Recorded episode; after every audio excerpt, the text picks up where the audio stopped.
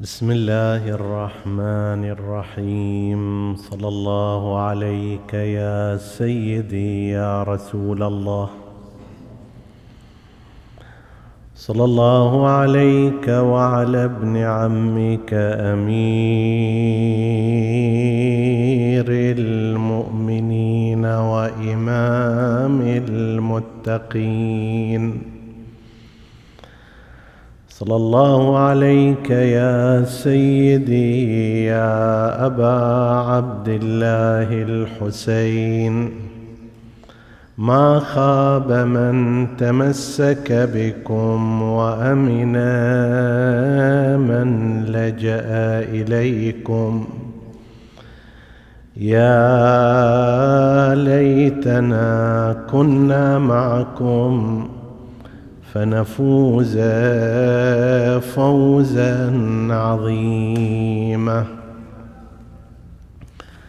روي عن سيدنا ومولانا أبي جعفر الباقر عليه السلام أنه قال ما أحد من هذه الأمة جمع القرآن إلا وصي محمد.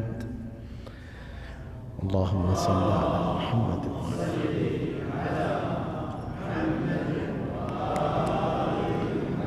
وعن أبي عبد الله جعفر بن محمد الصادق عليه السلام. أنه قال إن رسول الله قال لعلي يا علي القرآن خلف فراشي في الصحف والحرير والقراطيس فخذوه واجمعوه ولا تضيعوه كما ضيعت اليهود التوراة فانطلق علي فجمعه في ثوب أصفر ثم ختم عليه في بيته وقال لا أرتدي حتى أجمعه فإنه كان الرجل ليأتيه فيخرج إليه بغير رداء حتى جمعه. صدق سيدنا ومولانا أبو عبد الله جعفر بن محمد صلوات الله وسلامه عليه. صلوا على محمد وآل محمد.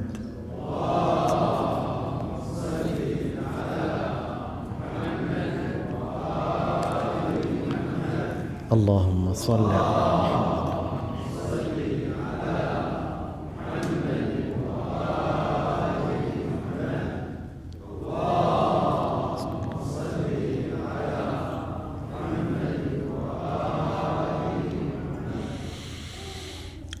حديثنا بإذن الله تعالى يتناول موضوع جمع القرآن بحسب رؤية الشيعة الإمامية. وقد ذكرنا فيما مضى أن الرأي الذي يفتي به مراجع التقليد. في هذا الزمان وهو الرأي المشهور عموما أن القرآن الكريم قد جمع في زمان حياة رسول الله صلى الله عليه وآله وأكمل ذلك الجمع بصورته النهائية. أمير المؤمنين علي عليه السلام بوصية من رسول الله صلى الله عليه وآله كما يفيد ذلك ما روي عن الإمام الصادق صلوات الله وسلامه عليه. بشكل مفصل وما أجمله حديث الإمام الباقر صلوات الله وسلامه عليه. الإمامية يخالفون مدرسة الخلفاء في طريقة وصول القرآن الكريم وفي مقدار الضمانات التي يؤكدون وجودها بالنسبة إلى القرآن الكريم بحيث لا يمكن مع هذه النظرية أن يتطرق أي احتمال بأي نسبة كان من وجود خلل أو خطأ أو غير ذلك. بينما بناء على النظرية الأخرى التي ذكرنا عددا من الانتقادات الموجهة إليها في جمع القرآن الكريم يتطرق الشك وتنفتح الأبواب من قبل أعداء الدين والمخالفين للقرآن الكريم للتشكيك في مصداقيته بكامله أو في كماله وتمامه. وأعجب من هذا عندما يتبجح البعض من المسلمين بالقول مثلا كما ذكر بعضهم أنه يقول أنا لي سند للقرآن الكريم وهو عن فلان عن فلان عن فلان عن فلان إلى رسول الله. هذا من أسخف الطرق من الناحية العلمية. عندما نريد أن نثبت القرآن الكريم بسند يعتبر على خبر الآحاد لو فهم القائلون بذلك مؤدى كلامهم لستروا هذا الكلام.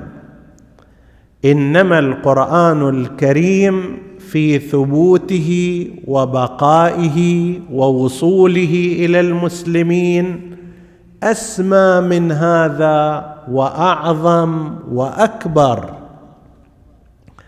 الإمامية يقولون هناك ثلاثة أضلاع مهمة في قضية القرآن الكريم ووصوله إلى المسلمين في هذا الزمان. الضلع الأول التلقي المباشر. من الله عز وجل عبر جبرائيل وعبر رسول الله صلى الله عليه وآله وبخط أمير المؤمنين عليه السلام. هناك مراحل من العصمة تنتهي إلى أمير المؤمنين. وقد سبق أن ذكرنا أنه لا يعقل أن ينتج غير المعصوم كتابا معصوما. الضلع الأول التلقي. تلقي بمعنى أن الإمامية يعتقدون هذا الاعتقاد الله سبحانه وتعالى أوحى إلى رسوله الواسطه جبرائيل رسول الله.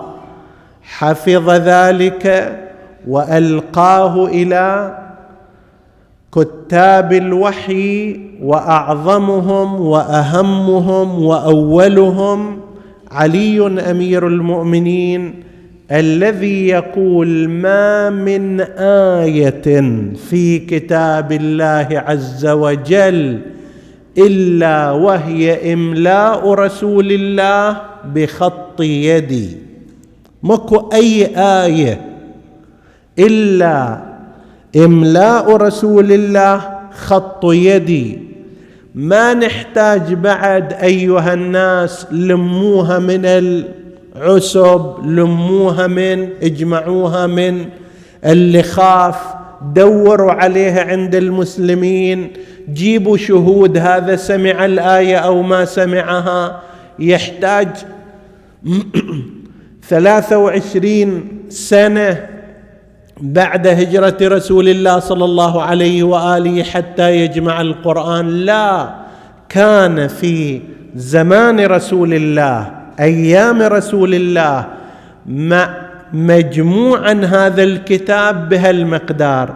الختم النهائي مال هذا الجمع كان عند وفاة رسول الله صلى الله عليه وآله. رسول الله أمر عليا عليه السلام أن يأخذ هذا الشيء المكتوب المدون لكي يجمعه الجمع الأخير الذي سوف نتحدث عن ماذا يعني هذا الجمع الأخير. فأول شيء عندنا التلقي. تلقي المباشر يفوت أي إمكانية وأي احتمال لأن يقال أكلت السورة الفلانية الداجن أو ما أدري كنا نقرأ سورة الأحزاب بمئتي آية أو ما شابه ذلك من أحاديث غير صحيحة. فم رسول الله خط أمير المؤمنين عليه السلام هذا مكتوب وهذا موجود. الضلع الثاني هو العرض الجبرائيلي. العرض الجبرائيلي بمعنى أن الأمين جبرائيل كان ينزل على الأمين محمد.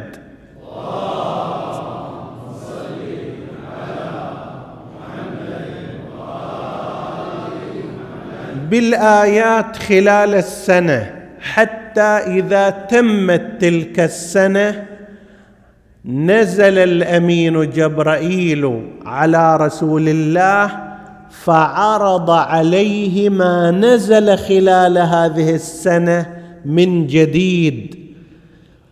لو فرضنا في شهر محرم تم نزول أربعين آية في شهر صفر في أوله كذا آية في شهر ربيع كذا آية. هي كلها تسجل تدون من فم رسول الله إلى قلم علي عليه السلام وباقي كتاب الوحي ومنهم إلى المسلمين كما سنأتي بعد ذلك. أضف إلى هذا بعد نهاية السنة كان جبرائيل يأتي ويعرض كل الآيات التي نزلت على رسول الله خلال هذه السنة بكاملها. روي عن رسول الله صلى الله عليه وآله في مواضع متعددة ولا سيما وهو يودع في السنة الأخيرة أنه كان يقول إن جبرائيل كان يعارضني بالقرآن. يعارض باب مفاعلة يعني يعرض علي وأعرض عليه. معارضة مو يعارضني يعني يخالفني لا. تعارض هنا بمعنى تبادل العرض. انت تشوفني وأنا اشوفك. انت تعرض علي وأنا اعرض عليك. إن جبرائيل كان يعارضني في كل سنة مرة بالقرآن. كل اللي تلي في السابق. وقد عارضني في هذه السنة مرتين. ومن ذلك فهم النبي صلى الله عليه وآله وأفهم أصحابه بأنه في هذه السنة سوف يغادر الدنيا آخر سنة من حياته. معنى هذا الكلام شنو؟ معنى هذا الكلام أن هذا الكتاب المجيد تمت مراجعته وتدقيقه أربعة وعشرين مرة خلال ثلاثة وعشرين سنة. لا يوجد شيء لا يوجد شيء للتدقيق فيه يعرض أربعة وعشرين مرة. أنت الآن عندك شركة تسوي حساباتك كل سنة تراجعها ترفعها إلى المدير يراجعها إلى المحاسب القانوني يراجعها إلى شركة محاسبة يراجعها خمس ست سبع مرات. ده الموضوع خلاص. هذا القرآن مو مرة ولا مرتين ولا ثلاث وإنما ما مجموعه أربعة وعشرين مرة تم عرض القرآن وختمه بين جبرائيل وبين رسول الله بالمقدار الذي أوحي في السنة الأولى لنفترض هل قد آية؟ خمسمائة آية. هذا هو هل مقدار هذا يعرض على رسول الله ورسول الله يعرضه على جبرائيل؟ في السنة الثانية لنفترض صار سبعمائة آية ثمانمائة آية. يتم العرض أيضا مرة أخرى وهكذا لمجموع ما كان في السنتين. مجموع السنة الأولى والسنة الثانية يتم العرض. في السنة الثالثة مجموع السنوات الثلاث وهكذا. ففي بعضه يتم عرضه مقدار أربعة وعشرين مرة خلال ثلاثة وعشرين سنة. هنا لا يمكن أن يأتي واحد من المستشرقين لكي يقول أن القواعد تقتضي ما دام طريقة الجمع هي التي مذكورة في التاريخ ضمن إطار المدرسة الأخرى فهناك احتمالات كبيرة لأن تكون آيات لم تذكر وآيات قد نسيت وآيات كذا وكذا. أما بناء على هذه الرؤية فمستحيل. تلقي مباشر ثم عرض من النبي على جبرائيل ومن جبرائيل على النبي. طيب.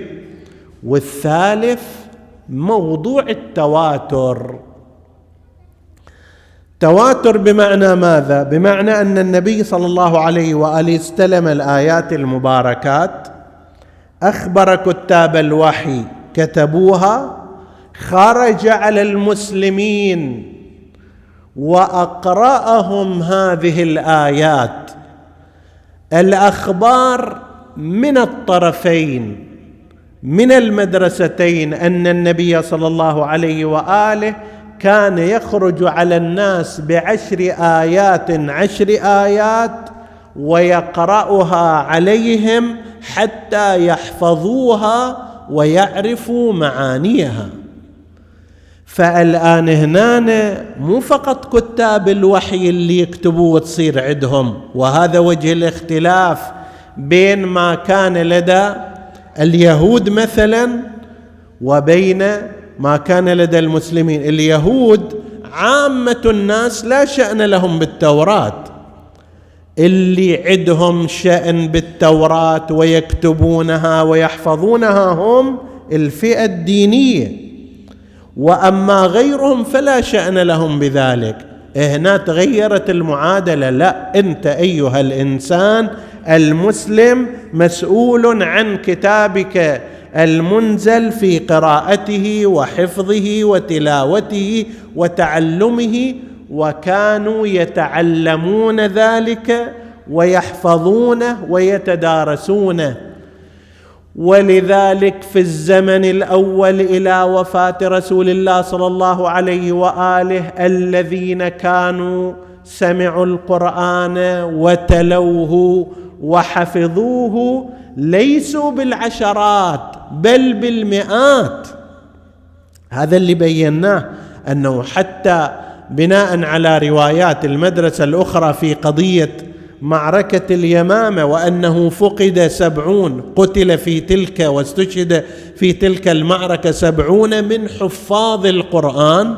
هذا اللي استشهدوا مو كل اللي راحوا استشهدوا قسم من الحفاظ لم يستشهدوا. الذين استشهدوا من الحفاظ المقدار قسم من من الناس لم يذهبوا أصلا. كانوا حافظين للقرآن ولم يذهبوا إلى معركة ولا سيما قسم النساء والكبار وغيرهم.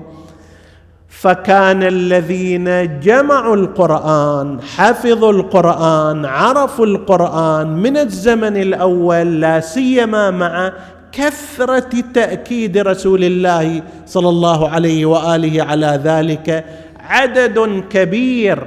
ولذلك يتعجب الإنسان عندما يشوف هاي الصورة التي تنقلها الكتب التاريخية حول قضية الجمع كأنما شيء ضايع. أيها الناس منو سامع قرآن يجي يسجل؟ منو سمع من النبي آية؟ خلينا نكتبها. لا أنت بس سمعتها ما يصير لازم تجيب إياك واحد ثاني. ليس الأمر هكذا. في رؤية مدرسة الإمامية القرآن وصل في كل عصر إلى أعلى درجات التواتر. مئات في زمان رسول الله صلى الله عليه وآله وما بعد زمانه قرأوا القرآن حفظوا القرآن اهتموا به. فلذلك لما يجي واحد يقول لنا أنا أروي القرآن طريقي إليه بسند عن فلان عن فلان عن فلان نقول له هذا ضمة هذا الحكي حكي لا ينسمع من عندك لأن هذا يفتح باب التشكيك في القرآن الكريم. الصحيح هو ما ذهب إليه الإمامية من أن القرآن الكريم مل جمعه ورتبه واحصى آياته زيد ابن ثابت أو فلان لأن هؤلاء ليسوا معصومين ومن كان غير معصوم لم يؤمن منه تطرق الخطأ. وإنما تلقي من الله عبر جبرائيل إلى رسول الله إلى إمام معصوم علي عليه السلام كتبه من فم رسول الله. صلى الله عليه وآله. طيب إلى الدرجة التي أول الأيام لا كان أكو كتاب وحي ولا كذا في القطعة اللي موجودة في نهج البلاغة أمير المؤمنين يقول ولقد علمتم موضعي من رسول الله بالقرابة القريبة والمنزلة الخصيصة وأنا طفل يضمني إلى صدره ويشمني عرفه. خليني أشم رائحة بدنه العطرة يلصقني بجسده ويرفع لي من علومه أو من أعلامه كل يوم علما. فما وجد لي زلة في فعل زلة في قول ولا خطلة في فعل. الشاهد هنا ولقد سمعت رنة الشيطان وكنت أجاور معه في حراء. ولقد سمعت رنة الشيطان عندما نزل الوحي فقلت يا رسول الله ما هذه الرنة؟ مع بمعنى صوت صراخ وانزعاج وعويل. طيب ما هذه الرنة؟ فقال يا علي هذه رنة الشيطان انزعاج عويله بكاء قد أيس الشيطان أن يعبد من دون الله. يا علي إنك تسمع ما, ما أسمع وترى ما أرى ولكنك لست بنبي وإنما وزير. رنة الشيطان عويل الشيطان. عندما نزل الأمين جبرائيل اقرأ باسم ربك الذي خلق أو يا أيها المدثر أو أوائل الدعوة ما نزلت به الآيات لم يكن أحد إلا علي بن أبي طالب. ولذلك يقول الإمام الباقر عليه السلام ما جمع من هذه الأمة أحد القرآن غير وصي محمد.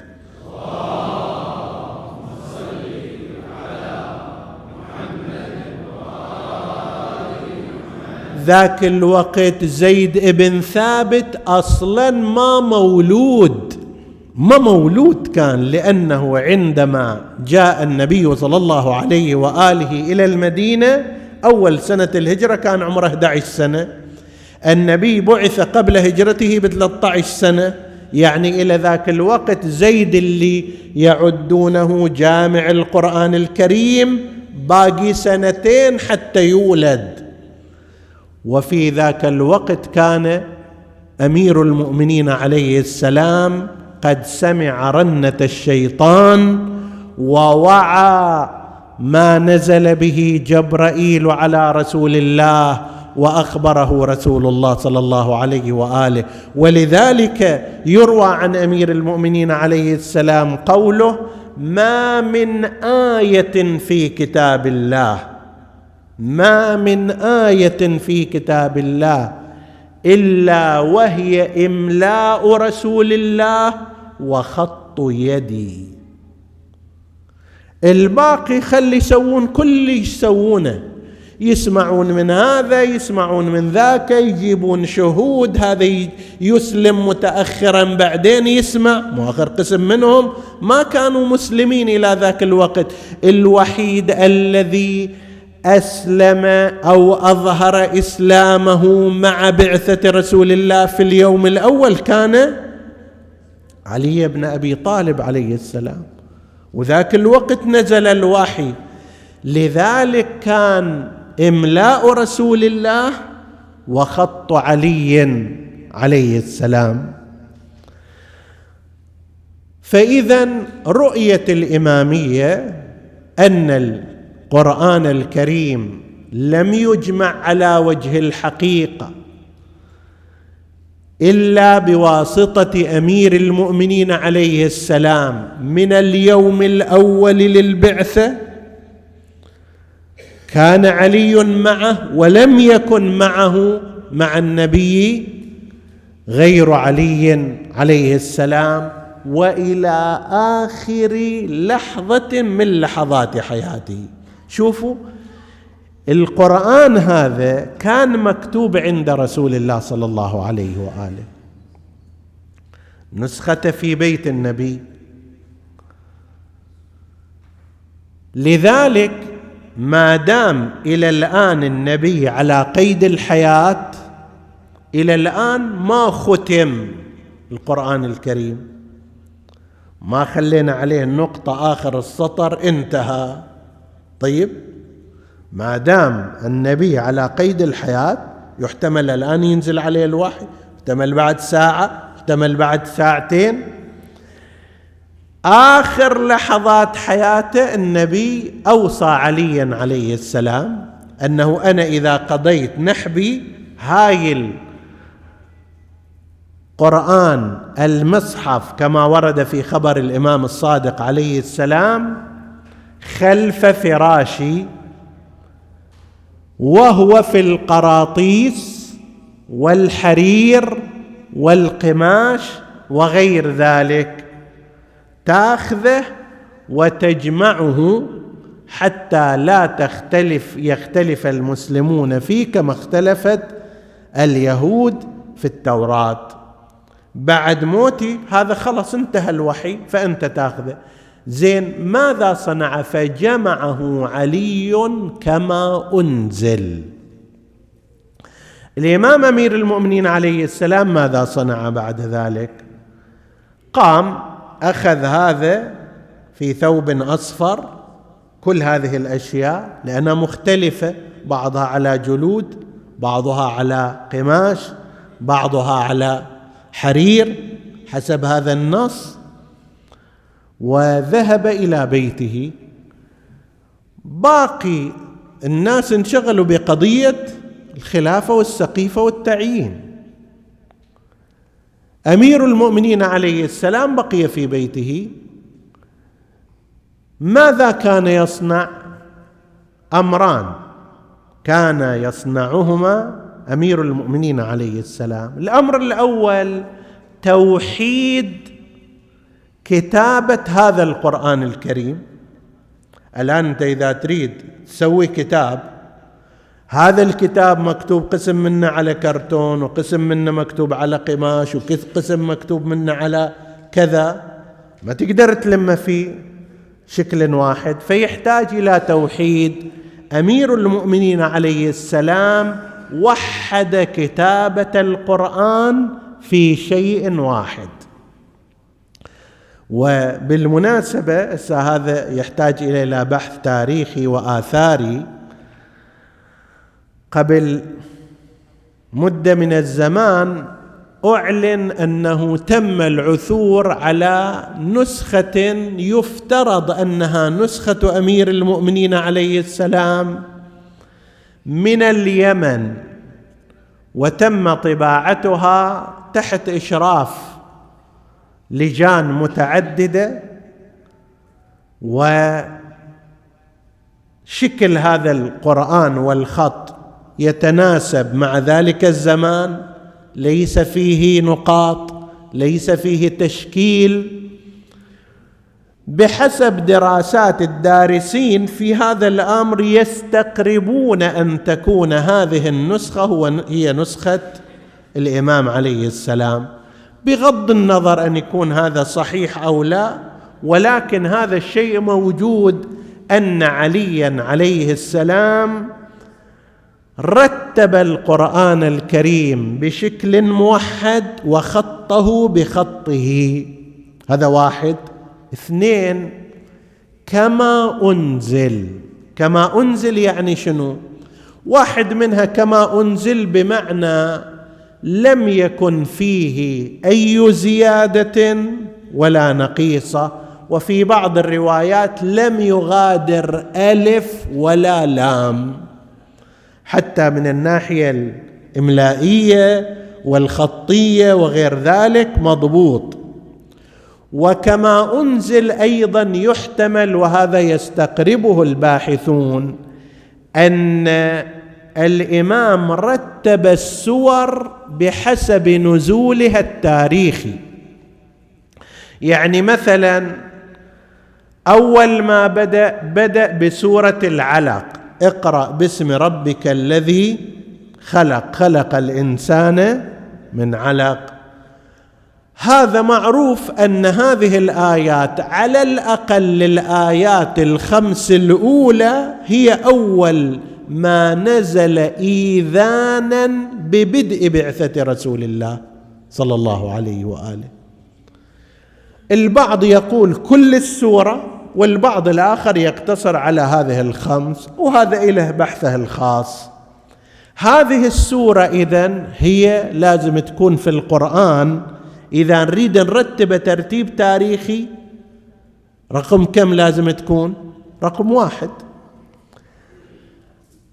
نظر إلى السورة الأخرى التي نزلت بعدها في قضية رجوع النبي إلى بيته فكانت سورة المدثر.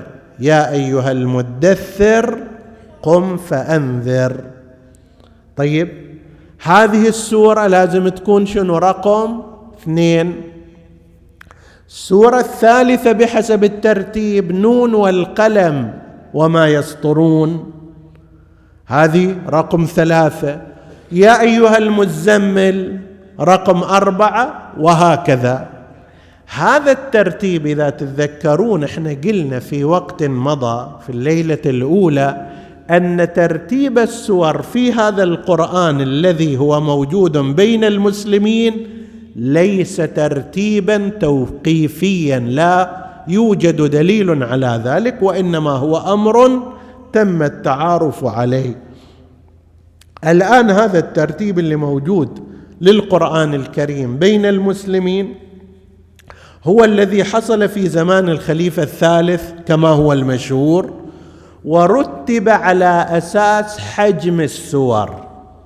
أول شيء بدأوا بالسبع الطوال سمونه بقرة آل عمران النساء وهكذا.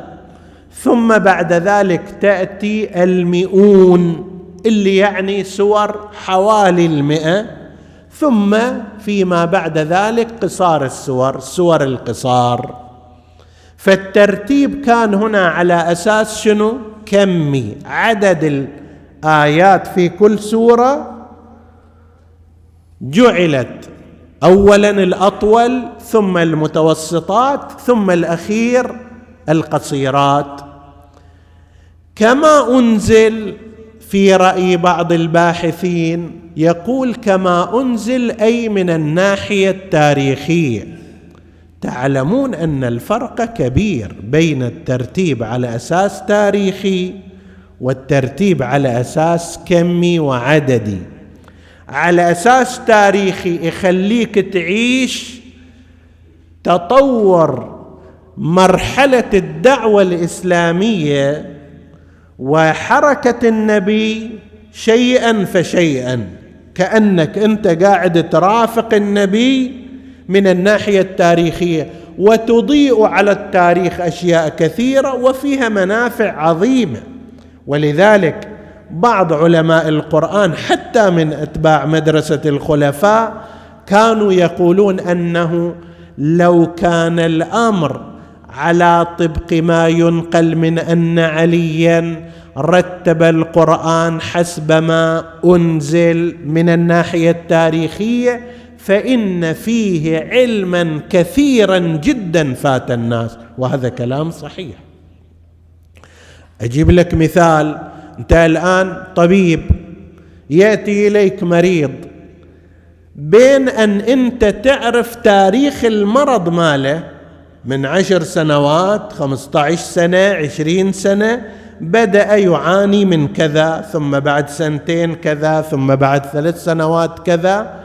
أنت كطبيب تصير الرؤية عندك واضحة كيف تطور المرض في هذا المريض. شجرة عندك تريد ترعاها. نفس الكلام تاريخها لما تجي. مجتمع من المجتمعات تريد تدرسه. تشوف كيف تطور تاريخيا حتى تعرف شلون صارت أخلاقه شلون صار علمه. تاريخ شيء مهم جدا. فأنت لما تجي وتعرف تاريخ هذه السور كيف مشت مع الدعوة الإسلامية ومع رسالة النبي سيكون هناك عندك رؤية واضحة جدا. اللي صار مو هذا زين هذا القرآن اللي اللي سواه الإمام علي وينه الآن؟ هل هو القرآن الذي نقرأه أو لا؟ هذا إن شاء الله نتحدث عنه في ليلة أخرى.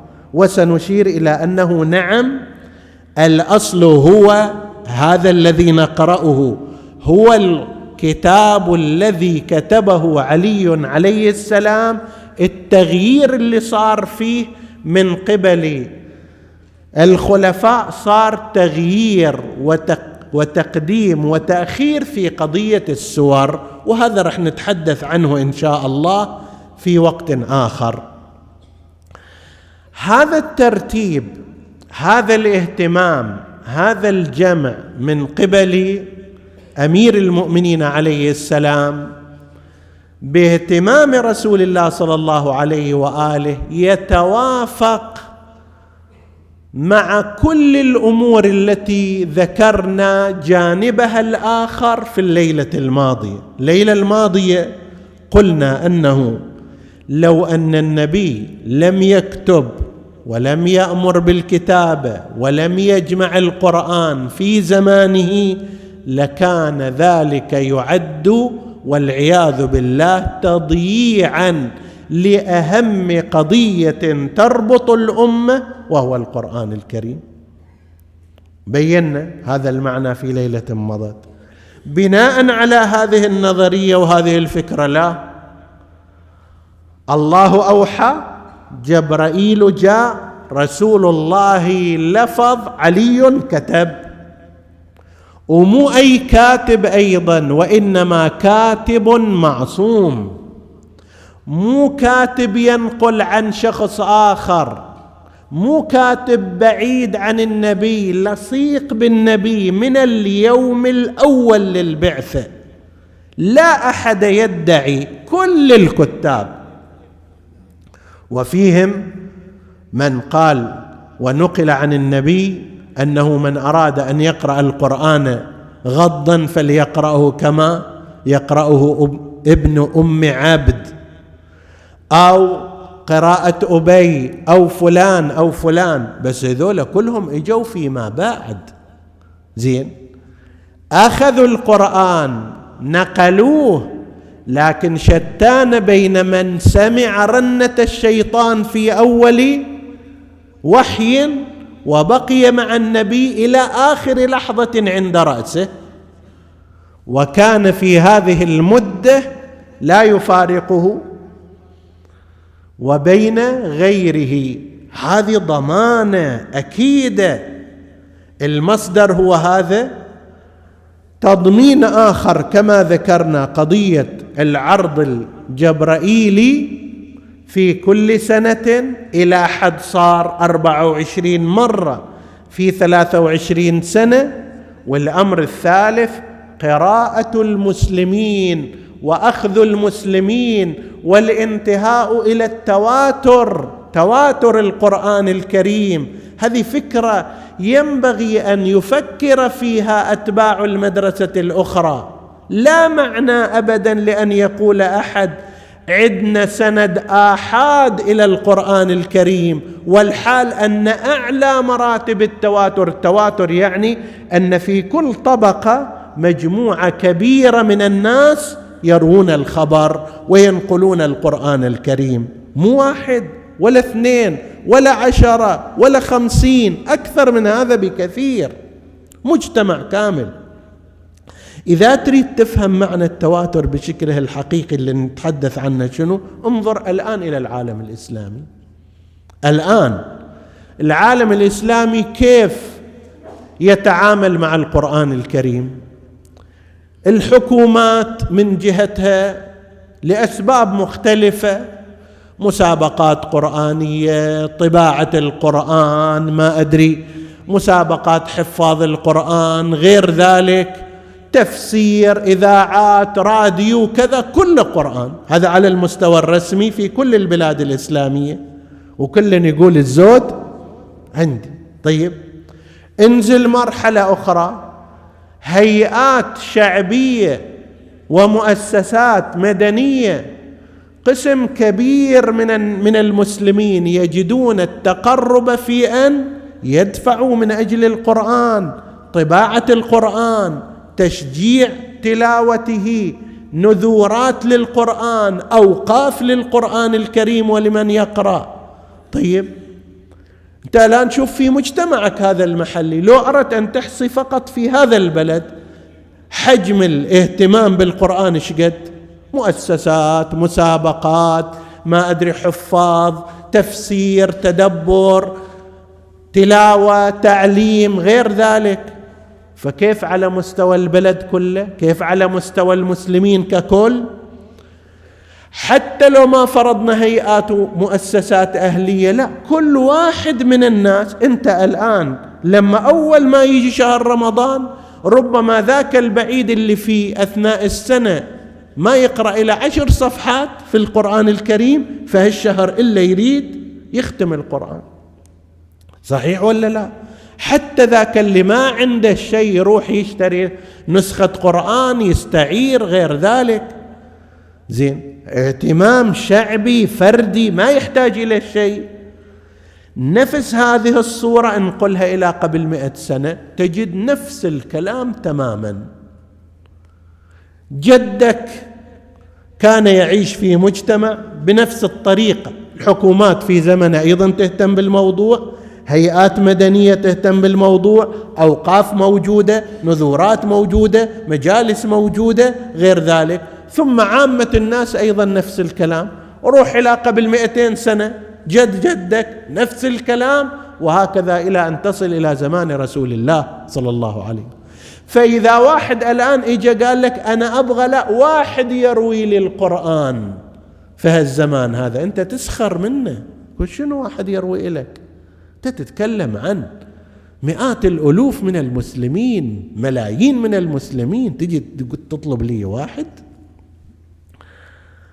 فكما أنزل بهذه الطريقة صنعها أمير المؤمنين عليه السلام والتواتر والعرض والتلقي. هذه أمور في ضمن نظرية الإمامة وفكرتهم عن جمع القرآن.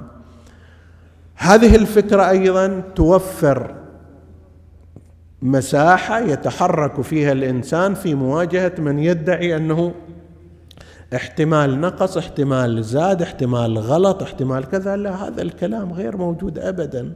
زين. وتذب عن القرآن كل ما يمكن أن يخدش فيه. ذكرنا أيضا في ليلة مضت أن كلمة الكتاب كانت معروفة بين المسلمين وبين غيرهم. حتى الكفار يقولون شنو؟ اكتتبها فهي تملى عليه بكرة واصيلا اكتتبها يعني شنو؟ يعني طلب كتابتها. وهم يعلمون أن النبي لا يكتب بس مع ذلك يزعمون هؤلاء الكفار يكذبون في ذلك. قالوا هذا النبي جاب جماعة يكتبون اليه من قبل آخرين. يكتبون اليه زين اذا كانت كتابة موجودة. غاية الأمر هذا الكتاب في كل مرحلة كان بحجمه. في السنة الأولى بحجم كذا في السنة الثانية صار بحجم أكبر بحجم أكبر وهكذا. الحجم النهائي والأخير كان الذي قام به أمير المؤمنين سلام الله عليه. وما كنا نحتاج أن ننتظر إلى سنة 23 هجرية حتى يجمع القرآن. كل المؤرخين كل أقول لك كل المؤرخين باختلاف أهدافهم. مؤرخو الشيعة خذ باعتبار أن هذا الذي حصل هو جمع من قبل أمير المؤمنين. غير المؤرخين الشيعة جابوا هذه الحكاية حتى يستفاد منها في قضية الخلافة. لأنهم قالوا لما أمير المؤمنين بقي في بيته يكتب القرآن ولم يخرج أصلا حتى كان حسب رواية الإمام الصادق يأتيه الرجل في حاجة يبغى من عنده شيء ما يطلع وياه ما يخرج وياه. فضلا عن أن يذهب إلى المسجد أو يشهد اجتماعات عنده حاجة وياه يقول له تعال هنا ما أطلع برا. زين؟ إلى أن أخلص هذا فقالوا إن عليا رفض بيعة أبي بكر. فلما خرج بعد عدة أيام حسب رواية مصادر التاريخ الرسمي عاتبه الخليفة أنه الناس يقولون أنت رافض لبيعتي وخلافتي فقال حسب تلك المصادر لا ولكني آليت على نفسي ألا أضع ردائي حتى أجمع القرآن. طبعا هذا المؤرخ يريد يستفيد منها استفادات أخرى. المهم هو هذه الفقرة أنه حتى أجمع القرآن وقد فعل ذلك ثم خرج. يؤهل الإمام عليه السلام لهذا الأمر ما كان لديه من قرب من رسول الله صلى الله عليه وآله ومن إمكانات ذاتية وتعيها أذن واعية. قال النبي سألت الله أن يجعلها أذنك يا علي. وهو يقول إن الله وهب لي قلبا عقولا. فإمكانات عنده قدرة على الكتابة عنده معرفة بالاهتمام. النبي صلى الله عليه وآله أيضا مهتم بهذا الموضوع. أقرب الناس إليه أيضا أمير المؤمنين عليه السلام تربية يده. والإمام أيضا ما كان يخفي هذا كان يشهره أنه أنا قريب من رسول الله. صنو رسول الله صهر رسول الله محمد النبي أخي وصهري وفي نقل وصنوي وحمزة سيد الشهداء عمي وجعفر الذي يضحي ويمسي يطير مع الملائكة ابن أمي وبنت محمد لذكره وذكرها صلوات.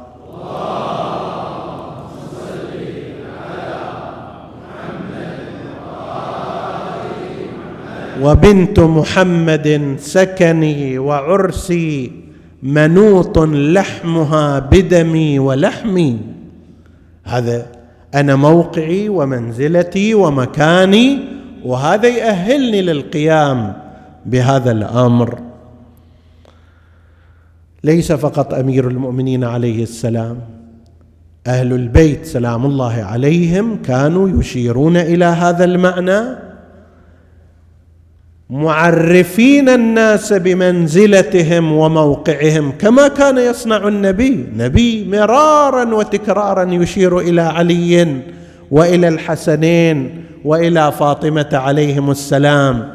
ويأمر الناس باحترامهم واتباعهم ومعرفة حقوقهم وهم أيضا صلوات الله عليهم كانوا يعربون عن ذلك ويشهرونه ويعرفونه بأنفسهم حتى تتم لهم الحجة على هؤلاء الناس.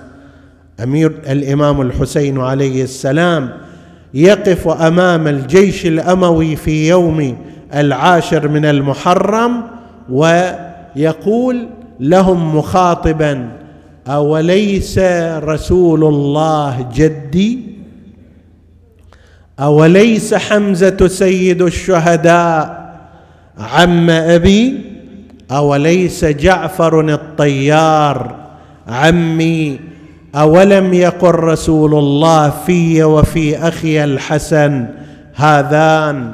سيدا شباب أهل الجنة ويحكم على ما تقاتلونني. أبمال لكم استهلكته أم بدم لكم سفكته؟ أم بقصاص من جراحة؟ فإذا ببعضهم يقول نقاتلك بغضا منا لأبيك وما فعل بأشياخنا يوم بدر وحنين. آنئذ بعد لم يكن هناك سبيل إلا قتال. هذه الفئة الماردة لم أنسه إذ قام فيهم. خاطبا فإذا هم لا يملكون خطابا. يدعو ألست أنا ابن بنت نبيكم؟ وملاذكم إن صرف دهر نابا هل جئت في دين النبي ببدعة؟ أم كنت عن أحكامه مرتابا؟ أولم يوص بنا النبي وأودع الثقلين فيكم عترة وكتابا فغدوا حيارى لا يرون لوعظه إلا الأسنة والسهام جوابا حتى إذا أنفت علوج أمية ألا ترى يا قلب النبي مصابا صلت على جسم الحسين سيوفه صليت على جسم الحسين سيوفهم فغدا لساجدة الضبا محرابا ومضى لهيفا لم يجد إلا القناظل ولا غير النجيع شرابا ظمآن أبو علي ظمآن بأبي وأمي. ظمآن ذاب فؤاده من غلة لو مست الصخر الأصم. لذابا يقول بعض من حضر مررت على الحسين وهو صريع على الرمضاء وجروحه تنزف دما وجدته يحرك شفتيه قلت هلكنا ورب الكعبة إن كان يدعو علينا استدنيت منه وإذا بي أسمعه ينادي يا قوم وحق جدي أنا عطشان يا يا أبس من العطش جبدي. يا يابا والتراب أحرق لزندي دفيلي بطرف ردنك من الحار كأني بزينب عليها السلام وهي تسمع نداءه. تجيب سور الحرم يا حسين.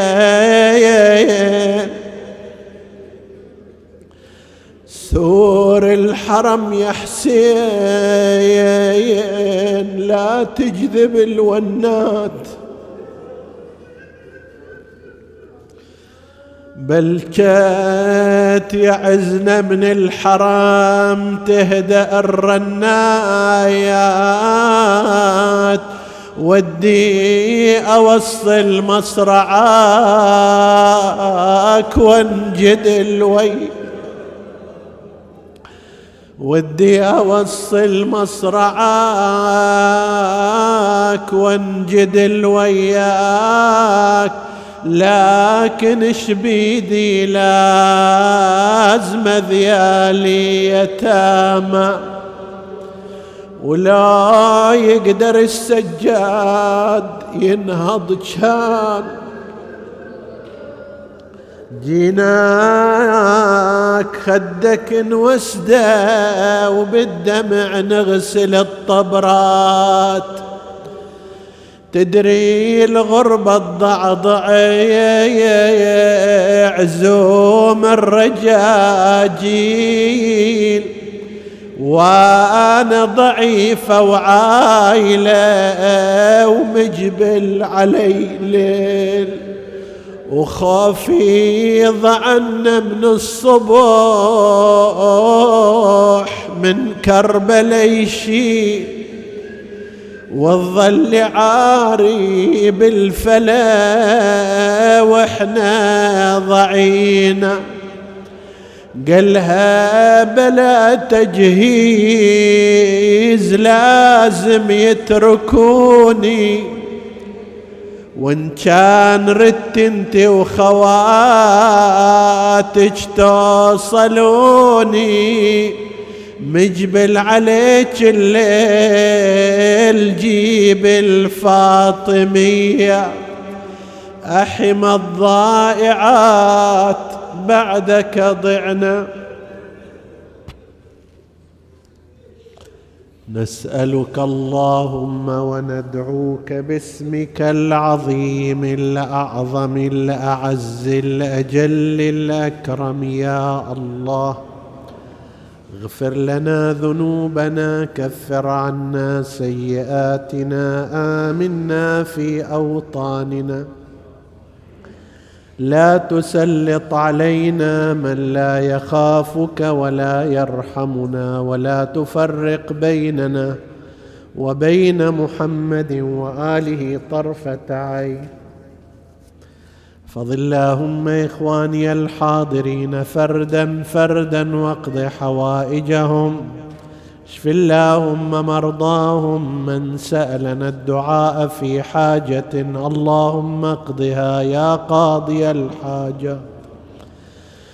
وتقبل اللهم عمل المؤسسين بأحسن القبول. إلى أرواح موتاهم وموتى السامعين. نهدي ثواب الفاتحة تسبقها الصلوات.